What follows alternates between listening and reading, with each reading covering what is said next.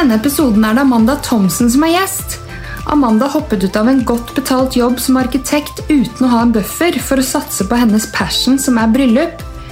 Hun er gründeren bak bryllupsglede.no og jobber i dag som bryllupsplanlegger.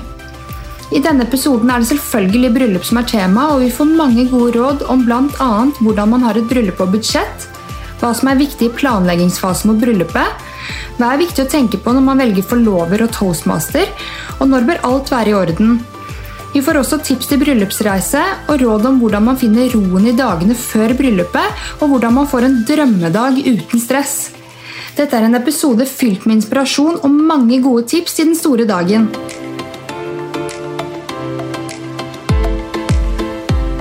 Velkommen til Inspirasjonspodden. Tusen takk. Jeg så jo deg på Instagram eh, for noen uker tilbake. eh, Og så tenkte jeg herregud, jeg må jo ha en episode om bryllup. Å, så gøy. Ja, Så det er derfor du er her i dag, da. Eller det var hyggelig at du stilte opp. Nei, selvfølgelig. Det er en kjempeære å få lov til å snakke om eh, mitt favorittema. Ja, Men hva er det som gjorde at du startet bryllupsglede.no? Bryllupsglede i seg selv var på en måte en sånn, en sånn mulighet for å rett og slett bare hjelpe andre. For da jeg giftet meg selv, så var det så utrolig mye man gikk gjennom som ikke var Hva skal man si? Altså, det var bare ikke var så, Du leter så mye, du bruker så mye tid på å finne ting. Du vet ikke hvilke leverandører du skal se etter, eller hvilke, eller hva. Eller, så omfanget kan fort føles så stort. Så ble det en sånn litt sånn snikende stemme, og det startet egentlig bare med at jeg begynte å liksom dekorere litt bryllup og style litt og sånn. Og så utviklet det seg til at i min eh, i permisjonen min med mitt første barn, det var da det liksom startet litt, så sa mannen min sånn, vi skal ikke bare leie ut alt det du liksom har laget til vårt bryllup. da. All den dekoren. Og så tenkte jeg sånn, ja, hvorfor ikke? Og så var det et marked for det, for det var ingen som drev med det da, og dette er jo noen år siden. Og så begynte jeg med det, og da sto jeg med hodet i ballen til sønnen min og vasket syltetøyglass og styrte og Oi. ordnet og klippet og limte. Og, og så var jeg på en måte en slags bryllupsdesigner, da. eh, med, men litt bryllupsplanlegger også. Sånn, Ja. Det var liksom kombinert. Og så ble det mer og mer og mer og mer etterspørsel, og så åpnet vi nettbutikken med trykksaker, hvor jeg designer og håndlager og Ja, Så du håndlager alt Ja. sammen? Oh, ja. Alt som er i nettbutikken, er liksom Det er malt i akvarell av meg, og så er det satt sammen og Så det er veldig sånn varierende hva det er, men det er noen ganger det er bladgull, og andre ganger det er bånd, og andre ganger spesielt papir. og så det er veldig varierende. Og så ble det til at eh, jeg skjønte i fjor sommer så at eh, det bare Jeg kunne ikke jobbe som arkitekt mer. Det var ikke Det var en sånn veldig sånn fysisk episode som skjedde som gjorde at jeg fikk et skikkelig, rett og slett et skikkelig angstanfall. Som gjorde at um, jeg skjønte at det måtte være noe mer. Ja. Den jobben jeg var i, var jeg fullstendig mett på. ja. Så da det skjedde, og jeg så ringte ambulanse og tenkte herregud, um, nå holder jeg på å dø, liksom. For det var sånn det føltes. Jeg har aldri hatt angstanfall før. Jeg, all cred til alle som har hatt dette her og sliter med dette i hverdagen. Fy søren, så tøft. Men Kan jeg spørre hva som utløste det, eller vet du Det ikke det? var et helt enormt stress i den andre jobben jeg var i. Ja. Så jeg var liksom way på overtid og klarte ikke mer å være der i det hele tatt. Og jeg, jeg tror nok jeg på et eller annet vis har tenkt at jeg har studert i mange år, og um, dette har jeg jobbet så hardt for, å bli arkitekt. Og jeg har liksom jobbet både nattevakter i bar, og så studier på dagtid. Og liksom virkelig bare Høyt tempo i mange år, liksom? mange mange, mange timers arbeid i å liksom kunne bli arkitekt. Altså, det var noe med inni meg selv også som måtte bare være ærlig og si at vet du hva, jeg eh, var en sånn overgang å tørre å si det til meg selv at jeg skal ikke være det mer. Nei. Det er noe med det at du har tatt et slags profesjonsstudie, og så har det liksom alltid vært målet, og så plutselig så er det noe annet som egentlig bare er mye morsommere. Så da, mm, da jeg ringte ambulansen, og jeg ikke engang klarte å hikse frem hvor jeg bodde, så skjønte jeg at eh, sånn her kan jeg bare ikke ha det. Jeg kan ikke være en sånn mamma for mine barn. Jeg har en på to og en på fire. Ja. Så um, innen 14 dager så hadde jeg sagt opp jobben min uten å vite hva eller hvordan, eller hvordan jeg skulle løse det. Herregud. Og da hadde jeg startet podkasten Bryllupsglede. Eh, og da het vi fortsatt Bordglede, som egentlig var bare dekor. Og så i løpet av sommeren så fikk jeg pustet, jeg fikk tenkt. Jeg fikk rett og slett bare landet på jorden, mediterte masse masse, trente, tok vare på meg selv og bare Og så plutselig så ble det derre meg! Og jeg bare Yes! Endelig! Og så har det sakte, men sikkert bare blitt en sånn liten verden med briller på. jeg skjønner at jeg må jo bare hjelpe brudepar som sliter, for det er dødsvanskelig Det å planlegge ja. bryllup. Mm. Det er liksom ingen som er sånn ordentlig sånn Ja, men hvor skal vi gå? Hvem skal vi gå til? Jo, du kan gjerne gå til en bryllupsplanlegger, og det koster deg mellom 50 000 100 000 kroner. Men ikke gjør det, da, hvis ikke du har den muligheten, liksom. Kom heller til oss. Ja. Vi har hjelp. Men um, hva er prisklassen på hos dere fremfor eh, Eller ligger det på det samme cirka overalt? Hvis jeg skal planlegge et bryllup helt altså sånn mm, mellom altså Hvis jeg skulle planlagt ditt bryllup, f.eks., eksempel um, og eh, gjort det med ca. 50-60 timer Det er veldig varierende hva liksom brudeparet faktisk trenger, så endrer det fort på liksom 50 000 kroner. Det skal jeg Ja. ikke legge skjul på. Nei, nei. Men Men det er jo Jeg syns det høres ut som en fin pris. Ja, sant? Du må tenke at du jobber på timesbasis. da, Ja, ja. sant? Og skulle du på en måte vært, skulle jeg leid meg ut som arkitekt, så er jo det fort 1200 kroner timen. Ja. Eh, eller 1500, eller 1800 tar noen. Det er veldig avhengig av hva du gjør. Så det blir jo på en måte litt det samme, og så betaler du. ikke sant? Vi har et AS, vi betaler moms og avgift og arbeidsgiverskatt og alt det der. Men eh, så det, det vi har gjort, eller det jeg har gjort, um, som jeg slapp nå 1. november, det er et online-kurs for brudepar. ja. Som tar deg gjennom alt du trenger å tenke på. Er det sånn webinar? Nei. Nei, det er noe annet. Ja, eh, det er rett og slett Jeg skal prøve å forklare det så godt jeg kan. og Det er rett og slett at du Det er en online-portal, så du logger deg inn, og så får du liksom åtte små moduler, som jeg kaller det. Og Så går du inn i hver enkelt modul, og der er det kanskje mellom to eller seks videoer på litt eh, varierende minutter. Alt fra tre minutter til 15 minutter. Som forteller deg liksom hva du skal gjøre. Du- og så kan du egentlig bare sette på hjemme. Flere av brudeparene mine de setter det på hjemme når de står og lager middag. Og så kan de da, når de har lyttet litt ferdig på det, lytter de litt til det som en podkast. Ja.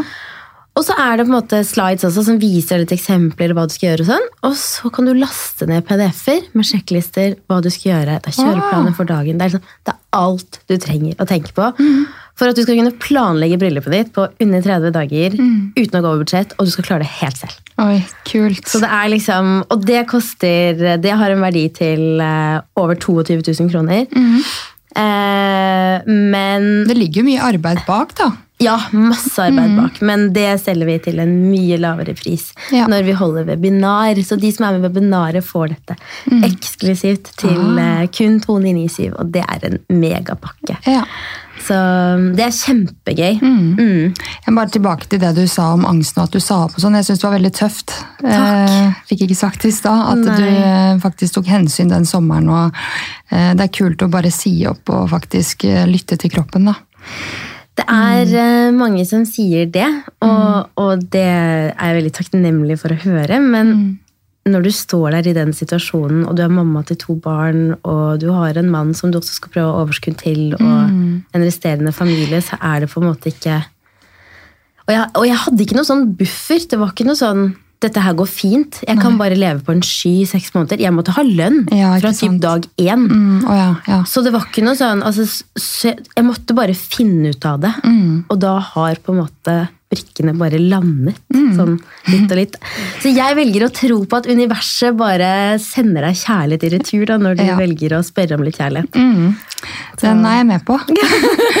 Det er en veldig fin setning, Ja. og den heter When you decide to do something, the universe conspires to make it happen.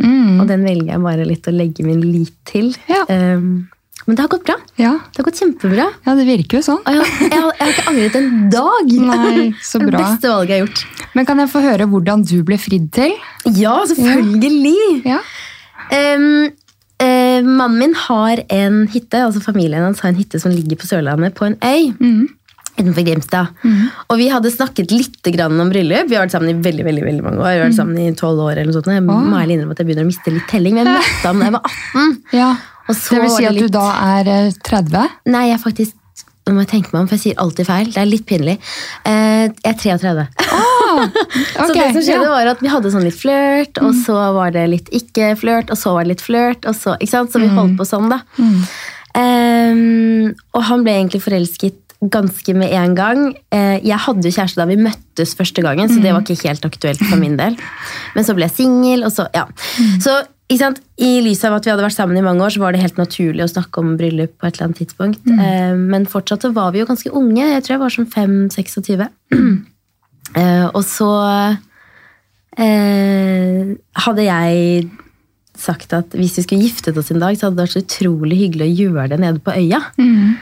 Og han bare Gud, det har jeg aldri tenkt på, egentlig. Så utrolig gøy. Eh, så han valgte rett og slett å fri. Og eh, nede på øya hvor de har hytte. Og Ja. så um, gjorde han det veldig veldig, veldig skjult. Jeg ante ingenting, og jeg var den første av mine venninner. Og liksom, Og da var du 25-26? jeg tror jeg var sånn 25-26 år gammel. ja. Ja. Eh, og så eh, eh, Kanskje akkurat fylt 26. Og så husker jeg han hadde, han hadde kjøpt ring. Mm. Hadde gjemt den hjemme i 14 dager. Og så hadde han flyttet rundt på den, for jeg er jo ganske ryddefrik. da. Og jeg vet jo som regel hvor alt er hjemme. Så han Mm. flyttet rundt på denne ringen og gjemt på den. Og så heldigvis så fant jeg den jo ikke. Og han hadde sittet med den i bagen, for han skulle på guttetur. Og så skulle vi ned til Sørlandet sammen, så jeg skulle plukke ham opp. Og han skulle ikke miste denne ringen på guttetur. Og han var så stresset. etter, det var helt komisk. Ja. Så kom vi ned, og så sa han jeg skal gjøre det en dag hvor det er skikkelig fin solnedgang. Mm. Og så sier broren hans sånn Å, vi skal ikke dra ut i kveld, da. Vi var jo egentlig aldri personene som sier nei. vet du. Han la seg ned på sengen. Å, jeg har så vondt i hodet. Mm. Ja. Det går ikke. Han bare så at det ble den fine solnedgangen, så han turte ikke da- liksom, bruke opp det på å gå ut på byen. Nei. Nei, nei, nei, vi må bare Nei, vi skal være her, og Så tok han meg med opp da på den høyeste toppen på den øyen, og så Forsto du spratt han da? opp sjampisen og Nei. Nei. Det skjønte han ikke. Oi. Det er helt uh, idiot, men uh, det var liksom ikke så veldig naturlig. Altså, hadde han gjort det nå, så hadde jeg sagt «Ah, Ja, ja. Gud, Altså. Ja. Men det var noe med det at man, når man er så ung, så tenker man ikke på bryllup da. Nei, men jeg er helt enig, for jeg ble jo fridd til eh, Det var en veldig søt historie, forresten. Takk. Eh, Men jeg ble fridd til på julaften 2018. Åh. Um, og da drev vi og planla å prøve å få barn og sånn. Og jeg håpet jo egentlig at jeg skulle være gravid til julaften, sånn at vi kunne si det på julaften. At ja, vi, så ja. Men så var den testen negativ. Eh, Jeg ante ikke, altså som du sier, jeg var 25 år. Nei, jeg var, ikke, jeg var 24 faktisk da. Ja. Jeg tenkte jo ikke på bryllup i det hele tatt, og jeg tenkte at jeg er sikkert langt oppe i 30-årene når det skjer. Ja. Men så på slutten av kvelden så, så fikk jeg noen sånn Oakley-briller. Eh, så var han sånn 'Å, de kledde du skikkelig godt. Gå og se deg i speilet.' Så gikk jeg ut i gangen, og når jeg kom inn igjen, da, eh, så bare glinser det mot meg. Da sitter han på kne foran hele familien. Åh, Eh, og jeg ble helt sjokkert. Ja. Jeg, jeg så ikke den komme i det hele tatt.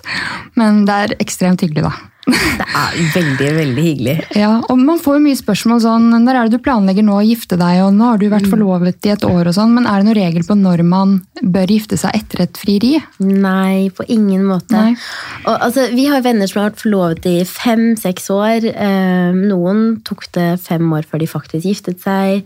Andre har det vært flere år. Vi har flere som er forlovet, som ikke har giftet seg ennå, som har vært det i ja, kanskje fem-seks år. Altså, Ja. Det er liksom ikke noe regel. Det som fysisk skjer inni deg, det er jo en sånn der opp. Altså, Mm. Ja. Mm. Det kommer en sånn ekstra følelse. Som, det kjenner du sikkert veldig igjen. ja. Og den, den er bare helt sånn Å, herregud, hva skjedde nå?! Det Mm. Bare kribler jo enda mer enn før. Liksom. Man blir jo helt enormt entusiastisk. Mm. Men så har du på en måte eh, Og når den på en måte kanskje har lagt seg litt, så, så, så må du ta det når det passer deg. Mm. Um, og jeg er nok ikke en av de bryllupsplanleggerne som sitter og sier ja, men du må velge det dyreste, du må velge det beste, du må velge flest gjester. Mm. Nei. Uh, Det er ikke meg i det hele tatt. Eh, Og Senest i dag hadde jeg en konsultasjon med en kunde hvor jeg sa til henne at um, Hun sa til meg at vet du hva, jeg syns det er så vanskelig å vite dette med antall gjester og sånn. fordi Ja. Hver gang jeg sier at vi skal invitere sånn og sånn, så sier alltid moren min nei, men skal du ikke ha med den, eller skal du Ja. ikke ha med den? Og så sa hun, vet du hva, tenk deg at du skal ha et bryllup med 80 gjester. Mm. Og så skal du da bruke Alle forventer å få noe tid med brudeparet. Om det så er en klem og en kos og hvordan går det med dere, så er det fort tre minutter. Tenk deg at du har 80 gjester, da. Da er det tre minutter. Ja. Du har ikke mer. Nei. Så hvis du da skal fylle på med 20-30-40-50 gjester til, da har du ikke noe tid med gjestene dine. Og da blir det en sånn dag hvor så du må tenke litt over måte, hvor folk kommer fra.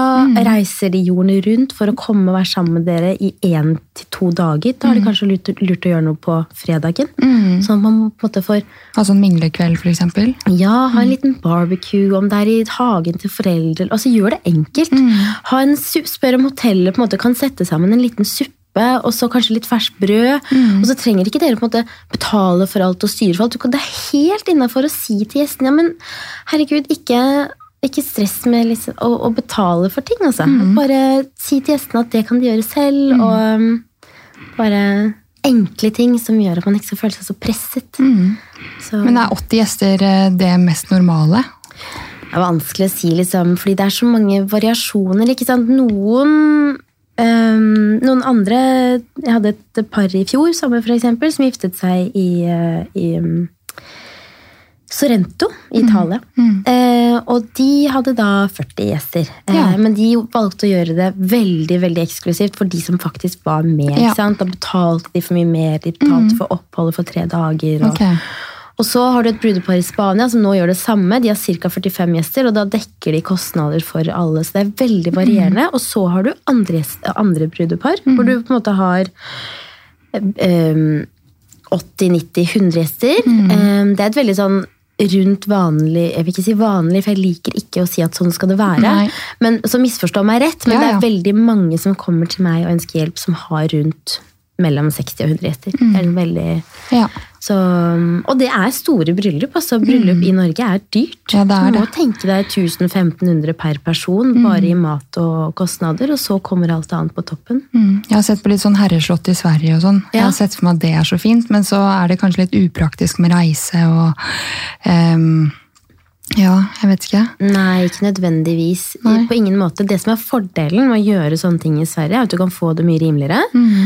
I tillegg så kan du få um, eh, du kan få alkoholkostnader ganske betydelig ned. Altså Du kan tenke deg et, bryllup på et hotell eller en restaurant med alkohol til 80 personer. Det er fort 40 000 bare i vinregning til Ja. middagen. Ikke sant? Eh, og dette er store, skremmende tall for folk, så Ja. ikke la dere skremme av dette her. Dette her løser seg veldig fint når dere kommer til den samme dagen, men, det er veldig mange måter å gjøre det på som gjør at du slipper å ha de høye kostnadene. Ja, hvordan har man et bryllup på budsjett? Vet du hva? Det har jeg en hel episode om i podkasten vår, Bryllupsglede, så Ja. gå inn på episode nummer fire. Mm.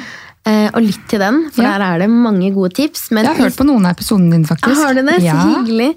Men, men eh, sånn i bunn og grunn, så det aller viktigste er at dere får et overblikk over hva dere faktisk kan betale, og eventuelt hvor mye dere må spare for å få det til. Eh, og så er det dette med å ikke ha for mange gjester. Eh, du kan f.eks. ha buffé, du kan ha mat som familien lager, du kan ha minglekveld. Du, kan ha, altså, du må ikke gjøre det Unnskyld. Til en til en treretters middag. Du må ikke gjøre det til eh, et stort, ekstravagant eh, bryllup. Mm. Du kan gjøre det enkelt. Du kan bare ha en sammenkomst. Du kan ha en sommerfest. Mm. Altså, du kan gjøre det i hagen til foreldrene dine, om det er det som gjør at du bare får samlet venner. Og du kan spørre om gjestene kan ta med en flaske vin Mm. i invitasjonen. Det har jeg flere, flere som har spurt om. Det er en veldig søt sånn, greie å spørre om. Ja. I tillegg Noen vil jo sikkert tenke at å herregud, skal jeg spørre om det? Men Ja, man må jo hvorfor ikke? Ja. Mm. Det er jo mye hyggeligere at man heller kan bidra med en flaske vin. Ja. Og så kan man heller ha den bryllupsfesten Ja. enn at man ikke har den. da, ikke sant? Ja. Så man må liksom se det i et litt annet lys enn at man bare skal tenke ja, men alle andre gjør sånn. Ja, men Hvem er alle disse andre, da? ja. Gjør det som er riktig for dere to, og ikke gjør det som på en måte føler at man må gjøre. For det er ikke noe fasit. Nei. Og blåss i alle de der gamle reglene om at det skal være sånn og skal være sånn. For der Ja. sier jeg bare det hiver vi over skulderen. Unnskyld, nå dunker jeg mot bordet. Det hiver vi over skulderen, og så lar vi det bare være. Men i forhold til sånn toastmaster, fordi um, man vil jo gjerne ha en litt sånn morsom toastmaster, en som byr litt på seg selv. Ja. men så skal jo ikke det kanskje være den aller nærmeste vennen heller, eh, fordi det er jo en veldig stor jobb. Hva tenker du om det, eh, erfaringsmessig? Først og fremst er det veldig viktig at du velger en person som du virkelig kan stole på. Som tar skikkelig tak hvis man trenger det. I tillegg til at eh, det må være en person som faktisk eh, se litt ting selv. Ja. At det trenger ikke nødvendigvis være din aller beste venn. Det trenger ikke være den som snakker høyest. Det trenger ikke være den som er den morsomste. Det er veldig viktig at denne personen tar ansvar. Eh, fordi det er også en litt sånn litt ekstra sett hender på dagen. Er det noe greier, så skal han eller henne kunne på en måte bare si du, jeg tar det. Altså, eller se ting. ikke sant? Så, mm, og så må man kunne være en person som tør å snakke i en forsamling. da, Ja. Som på en måte stoler litt på seg selv og er litt sånn Det er jo, det er jo veldig morsomt. når Kan man liksom si nei hvis man blir spurt eh, jeg har lyst til at du skal være toastmaster? Er det Ja, innafor å si nei? Ja. Absolutt. Ja, det kan man. Ja. Så ikke føl deg presset på noe som helst måte. Nei, altså For meg tror jeg det hadde gått fint, selv om jeg har fått litt sånn prestasjonsangst for å eh, Nå har jeg jo podkast, da, men eh, jeg står ikke foran 100 folk, liksom. Men eh, det er noe i meg som har eh, gjort at det er litt skummelt med årene. Jeg var ikke sånn før, men kanskje det kommer seg. Jeg håper jo det. da. Ja, Jeg har ikke blitt spurt ennå. nei, nei, ikke sant? Mm. Men jeg tenker at, eh, Og hvis du skulle bli spurt, så er det som regel i en forsamling du kjenner. Ja. Så det er jo egentlig ikke sånn veldig nytt. Nei. Men det er jo flere hvor vi har vært i bryllup, og så har toastmasteren kanskje vært ekstremt nervøs og vært Ja. første gang. Og det merker man, men da sitter ikke jeg og tenker sånn Å, herregud, så Nei. dust han er, liksom. du er Du tøff som ja, Mm. Og du er jo medmenneske og tenker ja, men vet du hva? Det er en første for alt, liksom. Mm. Så det er ikke noe å stresse over. Men den planleggingsfasen fra du har bestemt deg ok, vi skal gifte oss i juli 2020 for eksempel, da. Ja. Eh, Når er det man bør starte å planlegge, tenker du? Hvis man skulle gifte seg i juli 2020 i år, og vi er nå i januar, da Ja. begynner det å få litt dårlig tid. Men hvis vi skulle gifte deg i 2021, Ja. eksempel, start med en gang. Ja. Absolutt. Ikke, det er ikke noe å vente på. Nei. Fordi em, bryllupsmarkedet i Norge er fortsatt ganske lite. Mm. Du har få leverandører. Mm. det er ikke alle som er superflinke. Det vil jo alltid være noen som skiller seg ut. Og når du da ønsker å ha noen dyktige leverandører, så blir de fullbooket, og de blir fullbooket et år, noen to år i forveien. Så flere av de leverandørene jeg jobber med, er allerede begynt å bli ganske booket for 2021. Ja. Så det er viktig at man, hvis man setter seg en dato, at man begynner med dette her ganske med en gang. Og tar du kurset Stressfri bryllupsforhandling, så vil du selvfølgelig få alt dette her helt steg for steg, sånn at du Ja. får full oversikt. Og det er jo fordelen. Ja, ja. Men eh, har du, er det noen steder som er veldig populære fremfor andre? Ja, Mm, altså sånn Steder generelt i Oslo er jo veldig populære. Altså Lysebu, Ekebergrestauranten, mm. Nedre Foss gård. Mm. det er ganske mange steder, så det er ganske få I hvert fall hvis du gifter deg i enten juni eller august, som på en måte er peak time. da. Ja. Velger du september eller mai, så kan du være heldig og fortsatt måte, kanskje kunne ha en helg i år eller neste år. Eh, neste år er det nok lettere. Ja. Men eh, det er på en måte de store aktørene og restaurantene som er veldig populære. Grand? Continental, alle disse her, de er ofte fullbooket. Og Ja. jeg husker Da jeg giftet meg, så var jo Ekeberg-restauranten fullbooket tre år frem i tid. Og jeg ja. giftet meg i 2014, så Ja. da var det Herregud. enda færre leverandører på markedet. Ja. Men hvordan er det man kan eh, forberede seg i dagene før selve bryllupet? For jeg føler jeg hadde hatt diaré altså, i, en, en hel uke før. at du sier for det hadde jeg. Unnskyld ordet, det. men ja, ja, men jeg, det skjønner jeg veldig godt at du hadde, for jeg får nesten diaré av å snakke om det. Altså, Man skal planlegge så mye og ha så mange gjester, og jeg tror, jeg hadde, jeg tror ikke jeg hadde klart å sove. Liksom. Hva gjør man da? Det er helt forferdelig. Nei, uff, jeg skal ikke sitte her og si at det er forferdelig. Men sannheten er at grunnen til at vi ble så stresset, det var fordi vi skulle ha det i et telt. Ikke sant? Og det er ofte sånne ting som man tenker på som Ja. faktisk kan skje på dagen, og så plutselig så står du der noen dager i forveien, og så bare, å herregud, nå skjer det faktisk. Det går jo ikke. Ja. Og det var ikke det at vi tenkte at det ikke gikk, men det som skjedde var at vi skulle jo ha bryllupet på en øy. Vi hadde brukt masse tid, masse logistikk. Herregud, så mye logistikk det er å få et helt bryllup til 80 mennesker ut på en øy. Liksom. Et helt kjøkken, gulv, telt, Ja. stoler, bord. Altså, det var bare Det kom på sånn stor lekter Oi. i sånne runder. Herregud. Det var helt komisk. Og da vi Ja. satte i gang og sto der og tok imot, tenkte jeg å herregud, hva er det vi har satt i gang? Men det ble knallbra, og det var så verdt det. Ja. Um, og det som skjedde, var at det var meldt knallfint vær.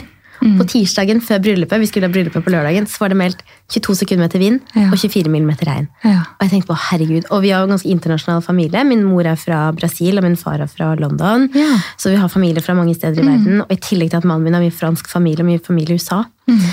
Så vi skulle ha folk som fløy inn, og jeg tenkte sånn, altså vi har ikke noe sted å ha dem. Vi har ikke noe telt, tenkte vi. Det, det kommer jo ikke til å stå det teltet. Og da skjønte vi at, å herregud, hva er det vi har gjort? Ja.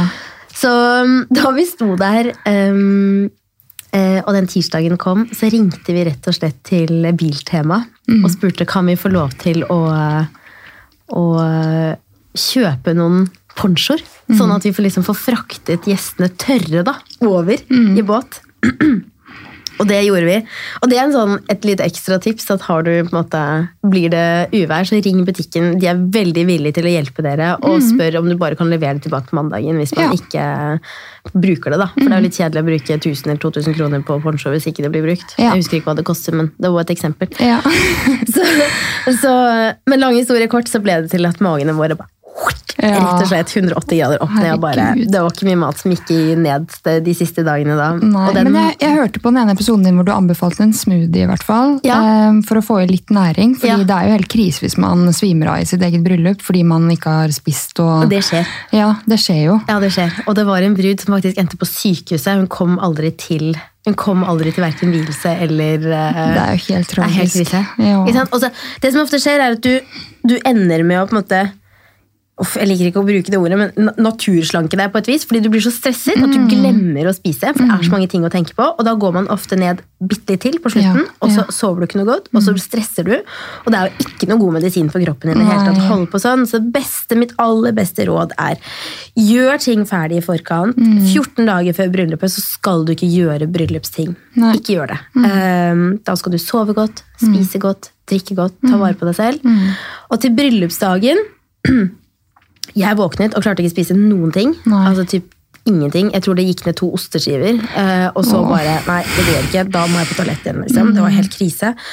Um, og og det er, ikke noe, det er ikke noe gøy å ha det sånn. Um, så lag deg en smoothie. Jeg lager en skikkelig god blanding. Den har jeg, mulig jeg har delt den, eller om jeg ikke har delt den. Jeg kommer til å dele den veldig snart. Ja. Eh, Så dere får litt flere oppskrifter på hva som på kan ligge litt i magen, som er safe, som gir deg i hvert fall noe næring. Og hvis du ikke orker å drikke den med en gang, så bare sett den i kjøleskapet, ha den i nærheten, og så sipp litt på den innimellom. Men det er sånn, jeg hiver oppi havregryn og um, cottage cheese og havremelk, og liksom, så du får et ordentlig måltid, Ja. ikke det blir som bare litt bær. Så det må liksom være litt ordentlig boost. Men hvordan ble dagen din til slutt, da? Helt magisk. Ja. Og det løyet, og alt ble Ja. stille, og det ble verdens fineste solnedgang. Det var helt amazing. Herregud. Og ingen la seg før syv om morgenen, og alle danset til halv åtte. Det, altså, det, var helt, det var helt utrolig fantastisk gøy. Jeg ville gjort det hvis jeg bare kunne stilt meg klar som Ja. brud i morgen og bare kommet til ferdig dekket bord og ikke gjort noe rundt det, for det er ganske mye jobb. Mm. Ja. Ehm, så ville jeg bare gjort alt en gang til på flekken. Ja, er det litt trist at ikke det skal skje igjen? Nei da, vi skal ha tiårsjubileum. Skal dere det? Ja, det er er det på en måte et sånt uh, nytt bryllup, på en måte? I, min bryllup, I mitt bryllupsunivers så må det jo være det. Ja.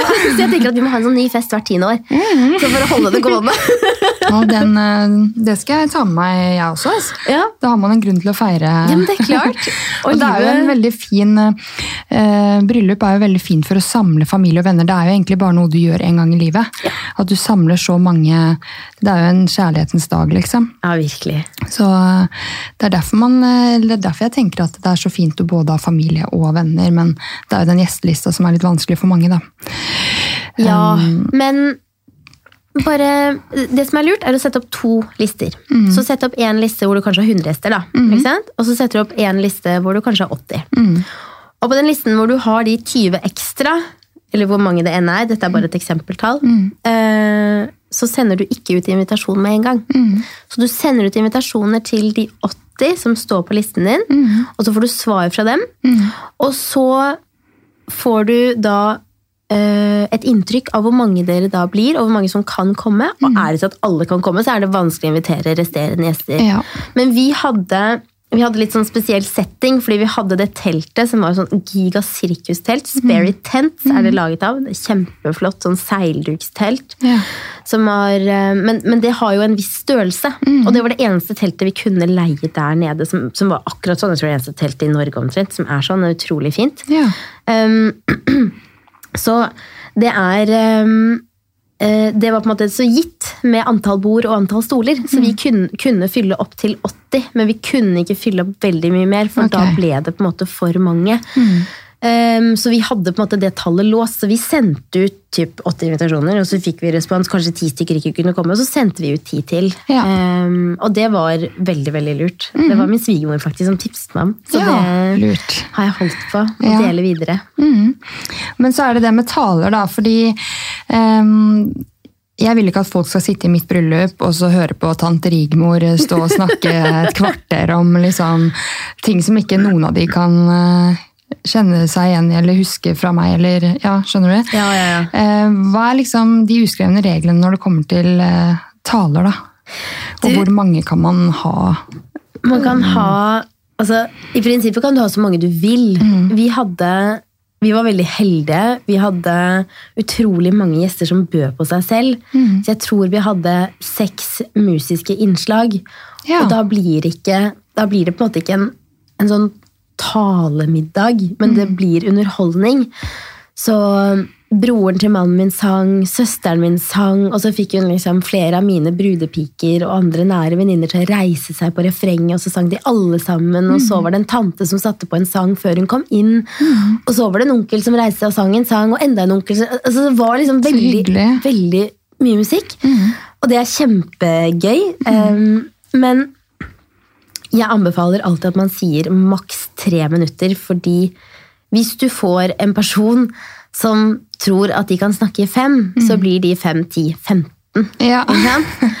Men hvis du får en person som tror at de kan snakke i tre, Ja. så blir det fort fem-seks minutter, og da er det mye lettere å holde på kjøreplanen. ja. Eh, Det er mye lettere å holde på alt som skal gjøres i løpet av dagen. Det er det jeg mener med kjøreplan. Dette er da rett og slett bare tidspunkter du setter opp for alt du skal gjøre i løpet av dagen. Følger man med på det selv i løpet av dagen, eller er det toastmasteren sin oppgave? på en måte? Det er toastmasteren sin Ja. oppgave. Det er derfor det er så viktig at toastmaster klarer altså Fra middagen og ut så gjelder det toastmaster. Men en kjøreplan er noe egentlig som bryllupsplanleggeren måte, holder tak i og sørger for at alt blir gjort. Men har du ofte bryllup på et hotell eller på en restaurant, så kan du på en måte ha en kjøreplan sammen med dem som dere går igjennom, og da har de en koordinator på stedet som går gjennom disse tingene med deg Ja. og som på en måte holder tak i det på dagen. Men hvis du gjør sånn som vi gjorde, og ikke har en person, så gikk bruden rundt og trippet litt. litt, ja. og, bare, og da kom toastmasteren bort til meg klokken seks idet middagen skulle starte, så sa han Amanda, nå skrur du av. ja. Og da var det som om? Ti kilo bare gikk av skuldrene mine, og jeg nøt resten av kvelden. Og det var Så veldig bra. deilig. Ja. Så- Hadde du barn forresten når du gifta deg? Nei, det hadde Nei. jeg ikke. Du, ja. Så Det har jo jeg nå, så det er derfor det blir satt litt på vent. det skjønner jeg veldig godt. Og så vil jeg ikke ha en, eh, halvt, eh, en gutt på halvt år altså den sommeren her, da. Eh, Nei, det hadde vært litt uh, vanskelig å ha et bryllup da, og så har jeg lyst til at det skal være at vi skal ha økonomien til det. Ja. at ikke det skal ja, Vi skal spare på krona, på en måte. Nei. Da vil jeg heller ha litt ekstra. Ja. Og så skal man jo ha råd til den bryllupsreisen, da. Ja, men du trenger ikke ta den med en gang. Nei. Og den trenger ikke være så dyr og fancy og fjong og lang, for det er ikke alltid like lett med små barn. Hvis du skal, ikke skal ha dem med. Nei, for jeg tror mange tenker at de skal hoppe rett på eh, bryllupsreisa nesten rett etter eh, Men Ja. det er mange som utsetter det litt, eller? Det er veldig varierende. Det vi gjorde, var at vi tok en litt, sånn, en litt kort, sånn skikkelig digg tur til Capri. Det var, altså, vi har en hel episode i podkasten hvor jeg har intervjuet en som jobber med reise. Ja. Og det var jo fantastisk. og Det er episode 15, hvor liksom Ja. masse masse, masse reisetips i Bryllupsgledepodkasten. Men, men um, i, um, det vi gjorde, var at vi tok uh, seks dager på Capri i Italia. Ja. Det er ikke så langt å fly. Det, er kjempe, det var kjempebillig flybilletter til Napoli. Og så um, tok vi båten fra Napoli over, ehm, som også er sånn nå husker jeg ikke prisen, men et eller annet sted på 100-200 kroner kanskje. Ja. Og så var vi på Capri. Capri i seg selv er litt dyrt. Ja. Så hotellet på Capri var litt dyrt, og derfor så gjorde vi det litt kortere. Men så gjorde vi det heller sånn at vi fikk en skikkelig digg balkong med utsikt ut mot Altså vi hadde solen hele dagen, og så hadde vi solnedgangen på balkongen rett ut mot havet. Ja. Stor terrasse på sånn 25 kvadrat eller noe sånt. noe. Mm. Eh, utrolig god service på hotellet. Sjarmerende. Veldig veldig sånn butikkhotell. Sånn Mm. veldig lite, men utrolig sjarmerende. Med privat basseng. Og, og Capri var det, var det ble en uforglemmelig tur. Jeg ville Ja. aldri gjort det annerledes. For, og grunnen til at vi gjorde det kort, var egentlig fordi Hva er vanligvis seks dager er kort? ja, ikke sant? sånn- Hva er vanligvis seks dager er kort. Det, er litt sånn, det, det føles litt dumt å si det, men grunnen til at vi gjorde det sånn, var at vi ikke ville bruke mer ferie. Fordi vi ville ha litt ferie på Sørlandet rett etter bryllupet, få roet ned. Så ville vi um, um, Så ville vi ha tre uker i Brasil Ja. rundt juletider. Og derfor så tok vi på en måte bare, nå sier jeg i anførselstegn, um, seks dager for kun oss to alene. Ja. Så mange tar en helg, noen tar en uke, noen tar liksom 14 dager. Og mange Ja. tenker å, 14 dager på Maldivene må vi jo bare Ja. ha etterpå. ikke sant? Men det kan du gjøre senere i livet. Ta med deg barna da, etterpå, når de er større og de kan oppleve det selv. I stedet for å tenke på at man må gjøre det med en gang. Og gjør heller noe morsomt. Det viktigste man gjør, er å planlegge noe. Hva som helst, hva enn det er. Eh, enten om det er dere to, eller om det er med venner. Fordi det som ofte skjer, er at man har gått og planlagt og planlagt, og planlagt, og så har du fylt dagene dine i ett år, to år. Ja. Og så får du en sånn blues. Og det er ikke til å spøke med. Altså, så Nei. kommer det en sånn blues, og det er så mange bruder som tar kontakt med meg. Å, nå skjønner jeg hva du snakker Ja. om! Er, fordi plutselig så er det tomt, Mm. og så har du ikke noe å fylle tiden med. på samme måte. Så ha et sånn lite prosjekt, om du så bare en hyttetur. Mm. Lån en hytte, eller overnatt på et hotell i Mm. Oslo. altså Gjør det helt enkelt, men ha en sånn liten gulrot å glede deg til. Mm. Ja. Og ta heller bryllupsreisen året etter, eller altså Ja. barna er større, eller liksom Gode råd. ja.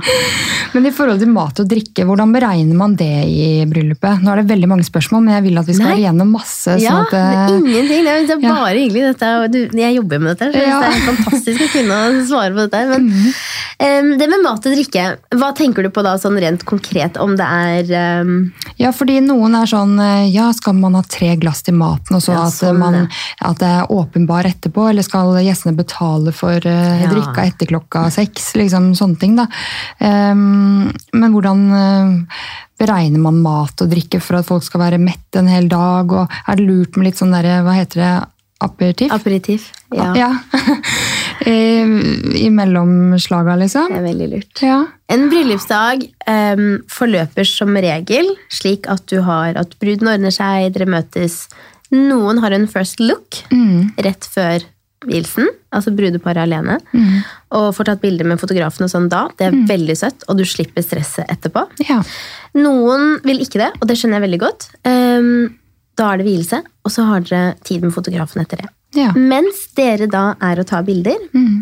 så går man ofte gjennom um, Så går ofte gjestene um, De forflytter seg ofte fra A til B, Mm. og så ender de på et sted hvor dere faktisk skal være. Eh, Eller kanskje har dere vielsen samme sted. Da er det bare helt lugnt. Da bare koser gjestene seg.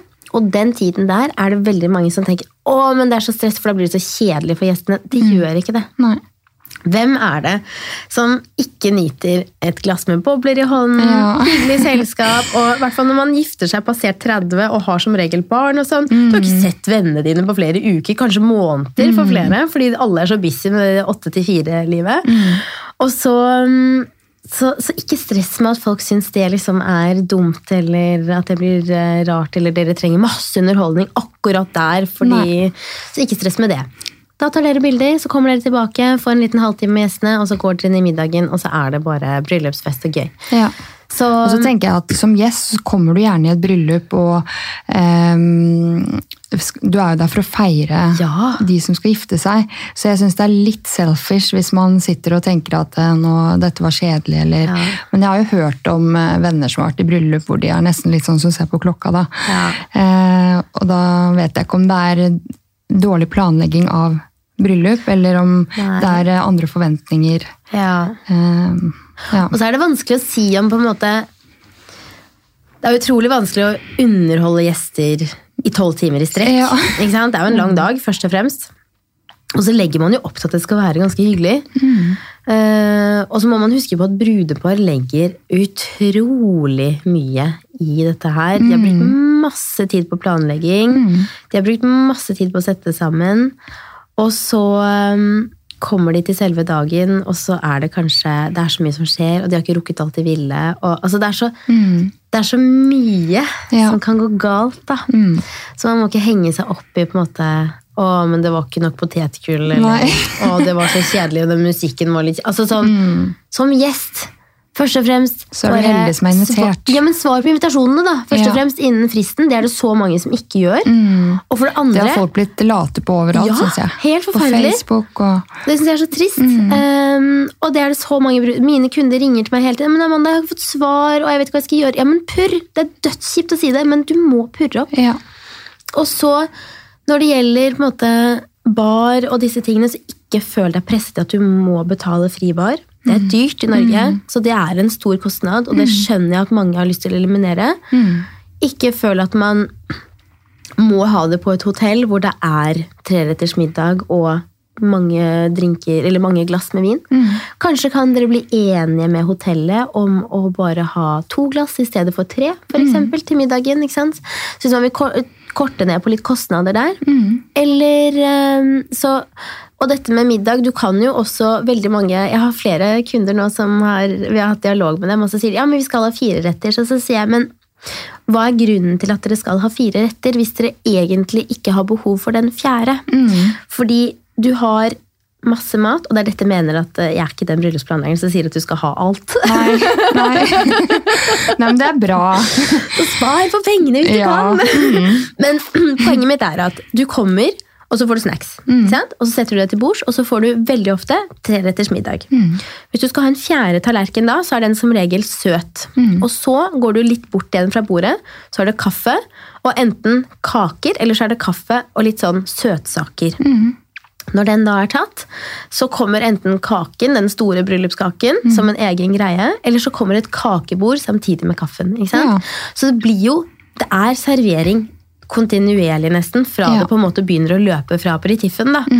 Og det er i starten at gjestene er ganske sultne, og det er i slutten at gjestene er ganske sultne. Ja. Så dropp heller den, det fjerde, den fjerde retten. Eller dropp desserten, for den saks skyld, og bare ha to retter. Ja. Og så kan dere ha eh, litt mer kveldsmat. Nattmaten, den skal man ikke er- undervurdere.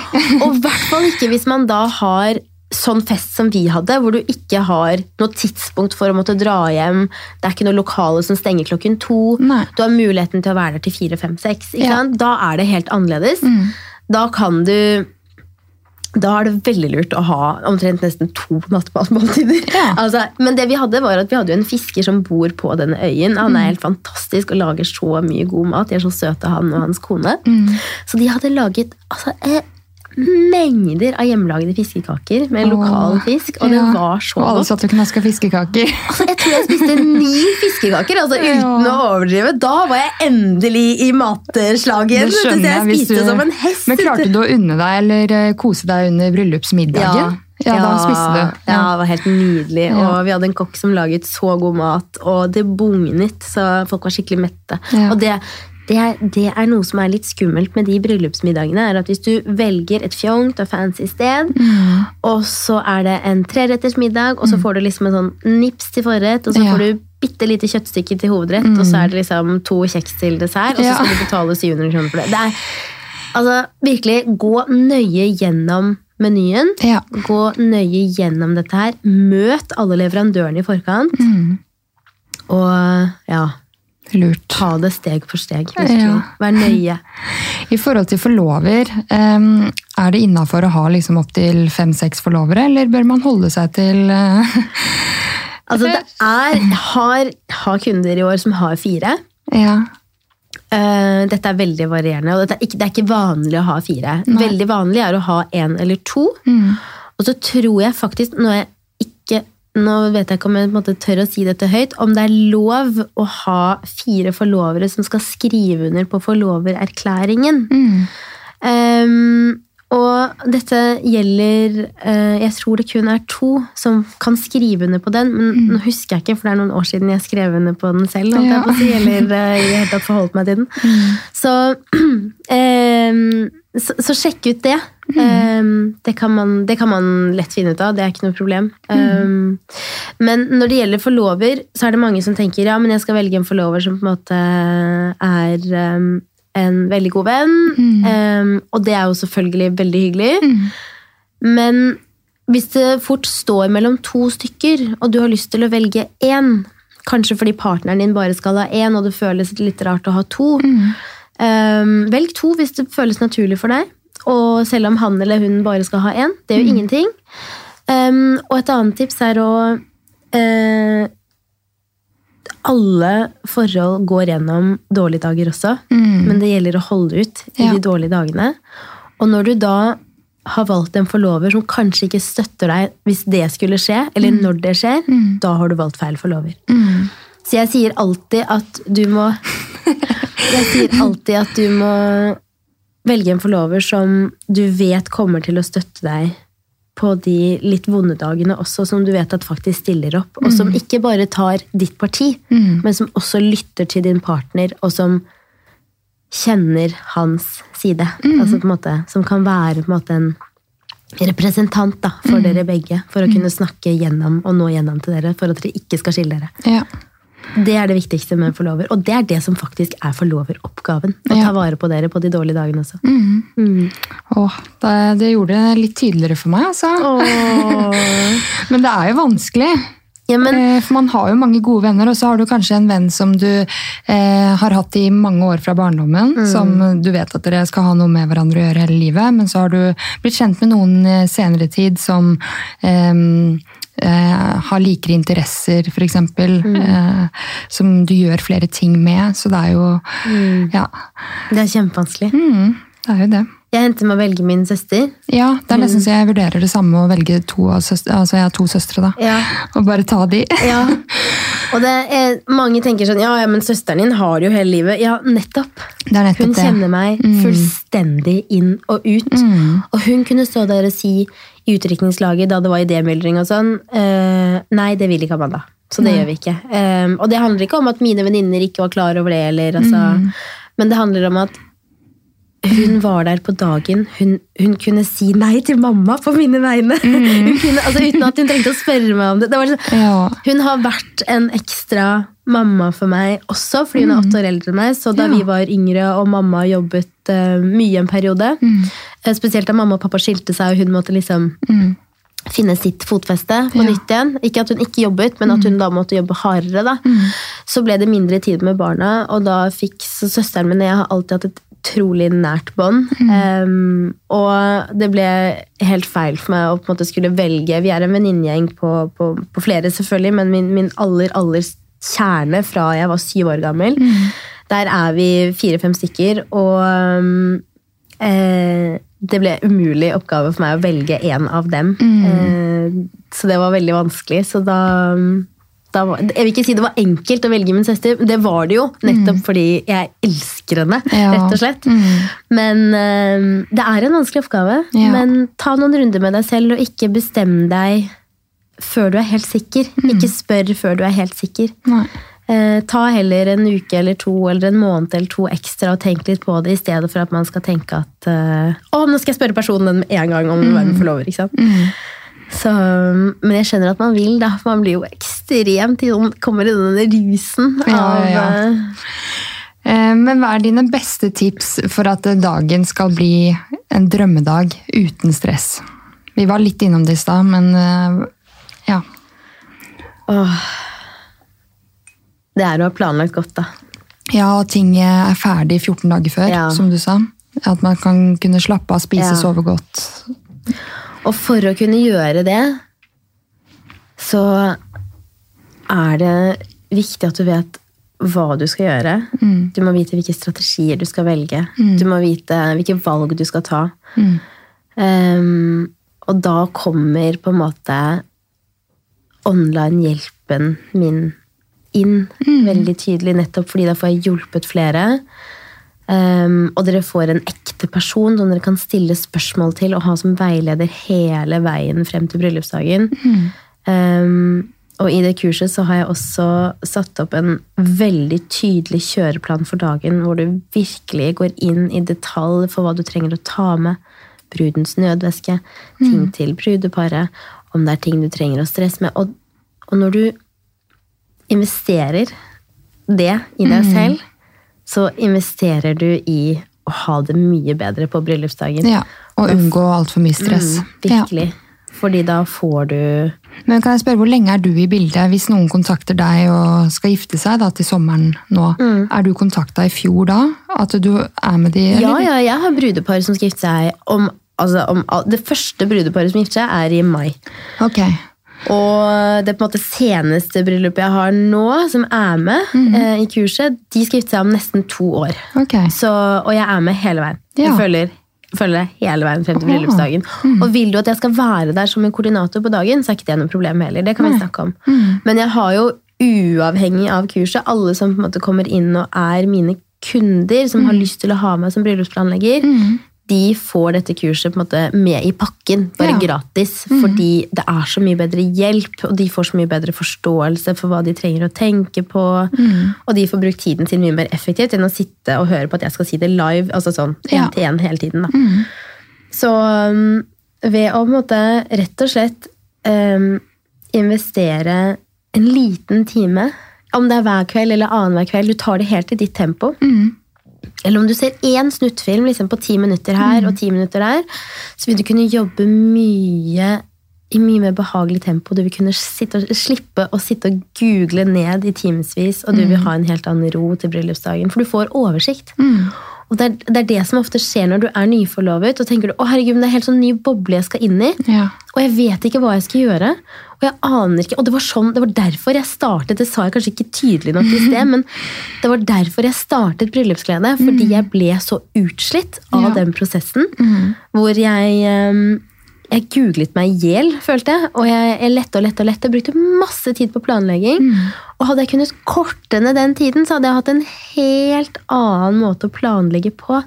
Jeg viser deg til og med helt i detalj hvordan du kan jobbe med Pinterest for å liksom naile ned hva det er du faktisk liker, og samler det i en mappe. Og, altså, det, alt er liksom Det er så strukturert da, at du Så jeg, jeg har jeg har satt sammen noen strategier og rett og slett et veikart for hva jeg bruker hver eneste gang. Um, og det funker hver eneste Ja. gang.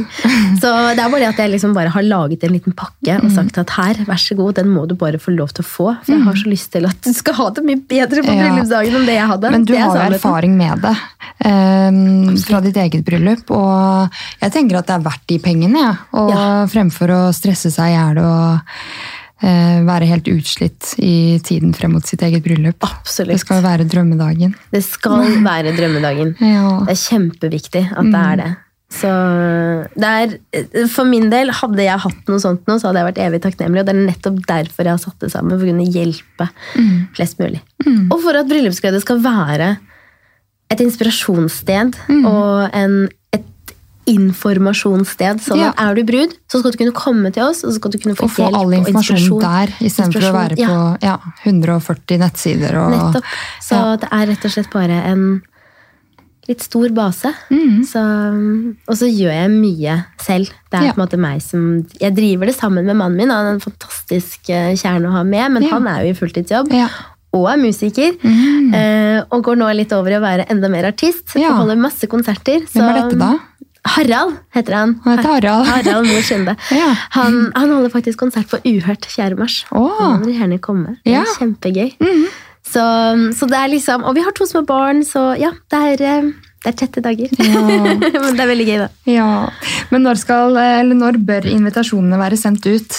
De bør være sendt ut eh, Hvis du får det til, gjerne sånn mellom syv og ti måneder før bryllupsdagen. Ja. Eh, hvis du ikke får det til, ikke stress. Jeg har nettopp sittet og sendt ut invitasjoner til eh, jeg sitter og jobber med En av mine kunder er um, litt sånn uh, bryllupsallergisk. Så jeg må passe på at hun faktisk får gjort det hun skal til bryllupsdagen.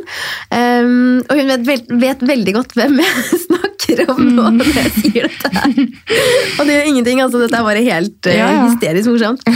Men uh, hun giftet seg i mai, ganske tidlig i mai, og, eh, og vi sendte ut invitasjoner typ ja, for en måned siden. Så, oh, ja. ja, ja, så det er ikke noe er ikke stress hvis ikke det liksom Så kommer det sånn ti? Nei, da.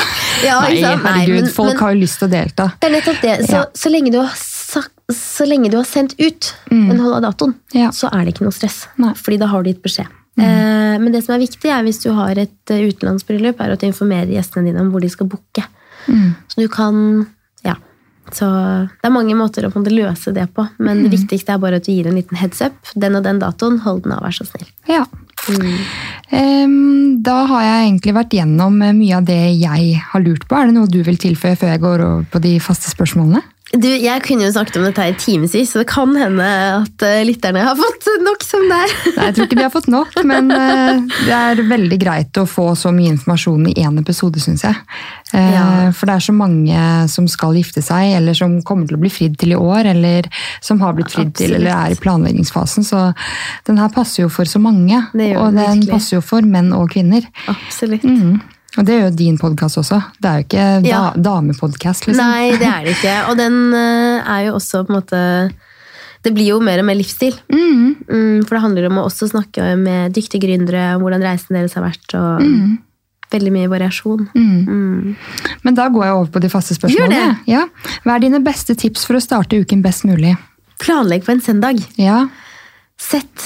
Eh, nå er jo jeg gründer, da, så Ja. det er jo dag, uken min er sikkert litt annerledes enn en for mange andre. Mm. Men eh, jeg er helt avhengig av å ha alt tydelig søndagen, så jeg Ja. vet hva jeg skal den kommende uken. Også fordi jeg har en jobb som gjør at jeg er veldig mange forskjellige steder i løpet av en uke, så jeg må få det til å klaffe med barnehage, og at mannen min og jeg på en måte klarer å koordinere det med barna. ja. Så stort sett er det meg som henter og leverer, fordi jeg jobber mye nærmere barnehagen. Mm. Men eh, de dagene det ikke går, så må han på en måte vite om det, så ikke han sitter fast i et møte og ikke kommer seg hjem. ja. Så, men alt strukturert på en søndag, og det gjelder liksom handleliste. Eh, Jeg handler hver mandag morgen. Jeg leverer barna i barnehagen, handler inn mandag morgen til hele uken. Mm. Eh, Da får jeg unnagjort alt på en time, i stedet for at jeg bruker hele uken på å tenke på hva jeg tatt skal lage. Og så lager jeg en matplan på søndagen, og så er det liksom klart. Lurt. Så, Altså, jeg har sagt det hundre ganger til meg selv at vi Mm. må ha en liste for hele uka, men det skjer jo aldri. Det handler skjer. jo fem ganger i uka. Ja, ja, jeg vet det, og det var sånn vi også holdt på. Men tenkte jeg nei, det, det går ikke. Jeg får det ikke til å gå opp med tiden og barn og gründertilværelsen og det hele. Så Men lurt. ja. Um, hvordan finner du inspirasjon eller motivasjon til å snu en dårlig dag om til en god dag? Og hvis jeg er rett og slett i skikkelig råttent humør, så det beste jeg kan gjøre da, er bare løpe. Ta på deg løpeskoene og løp ut av døren. Eh, jeg, eh, jeg husker det veldig godt. Jeg hadde en, eh, en Nei, vi dropper det. Kan ta det etterpå. Ja, vi. Ja, men løpe, det er jeg helt enig i. Altså, bare- Det er så balsam for sjela. Ja, bare er jeg rett og slett skikkelig sur, så er det beste jeg kan gjøre, bare løpe eller ha en dance-off hjemme.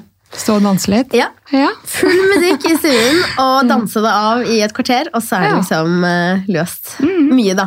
Ja. Eller meditasjon. Det kommer litt an på hvordan type problemstilling du sitter og på en måte knuger på. Men er du rett og slett bare i skikkelig råttent humør, så bare Herregud. Dans eller løp. Ja. Ja. Aktivitet, så du får litt endorfiner i kroppen. Det snur masse. Eh, Hva er du takknemlig for? Livet. Livet. Ja. Og det er kanskje en sånn Ja, hva skal man si? Det er kanskje en uh, klisjé å si det høyt. Nei, Men det fy faderen, så takknemlig jeg er for livet. Ja. Altså, det er, eh, nå, har jeg, nå hadde jeg en veldig tøff episode i fjor. Um, Og uh, har på en måte alltid vært en person som har jobbet utrolig mye. eh, veldig hardt. Jeg vet hva jeg vil. Mm.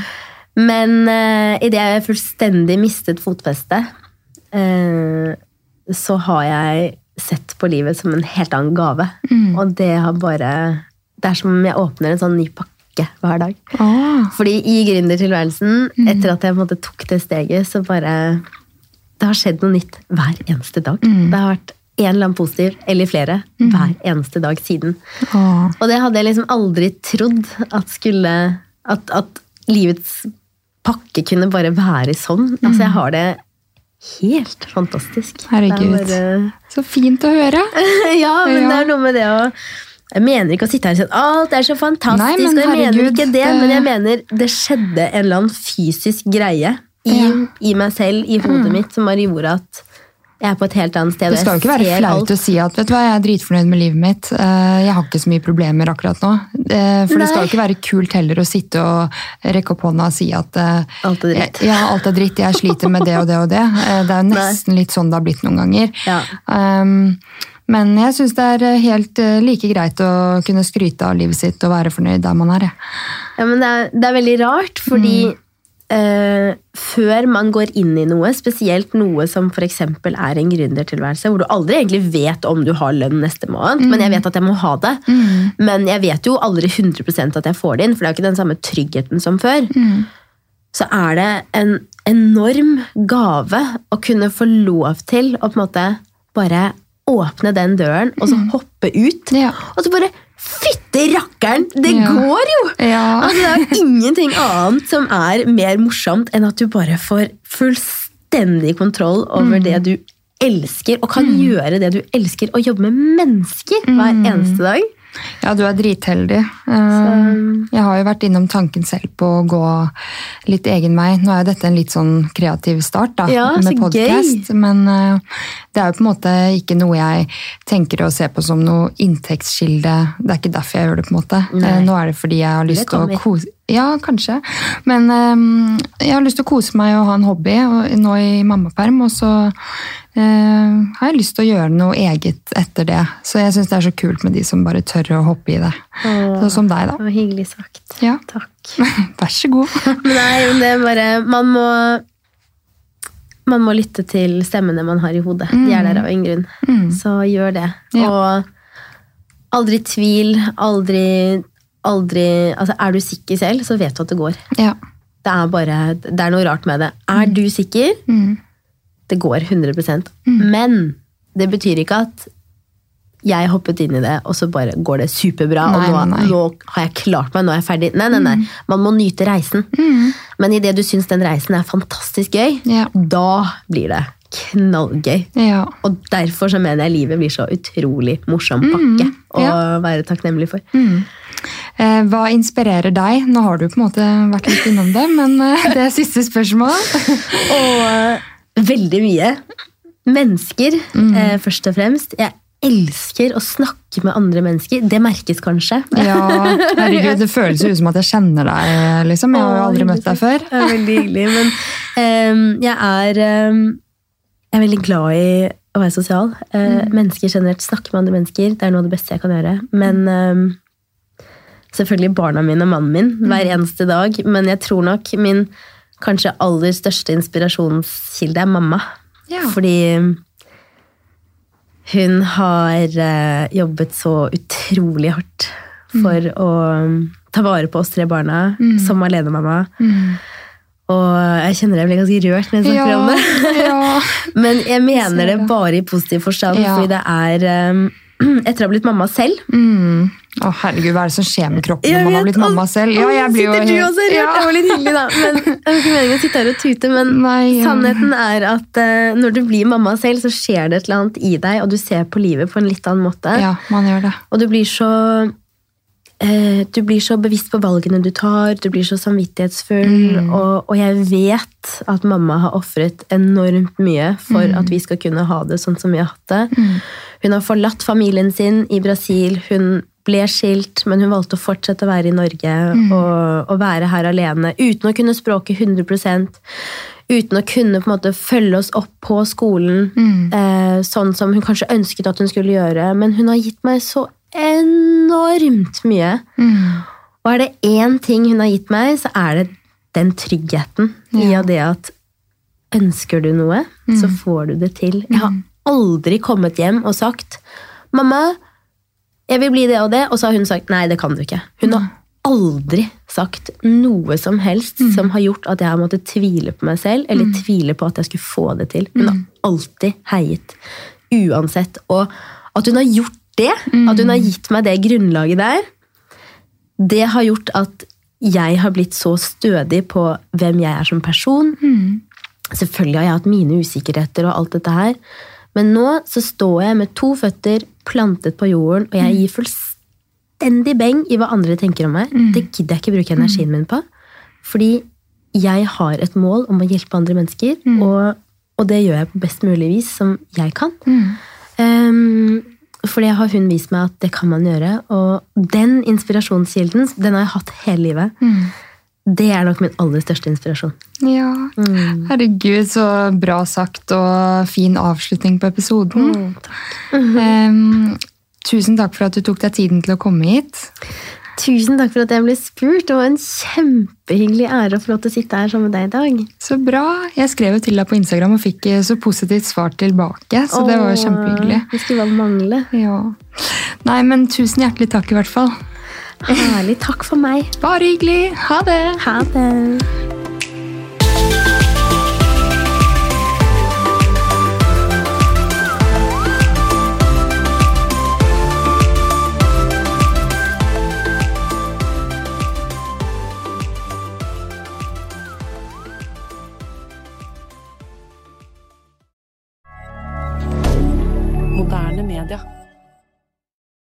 Har du et enkeltpersonforetak eller en liten bedrift? Da er du sikkert lei av å høre meg snakke om hvor enkelt det er med kvitteringer og bilag i fiken, så vi eh, gir oss her, vi. Fordi vi liker enkelt. Fiken superenkelt regnskap.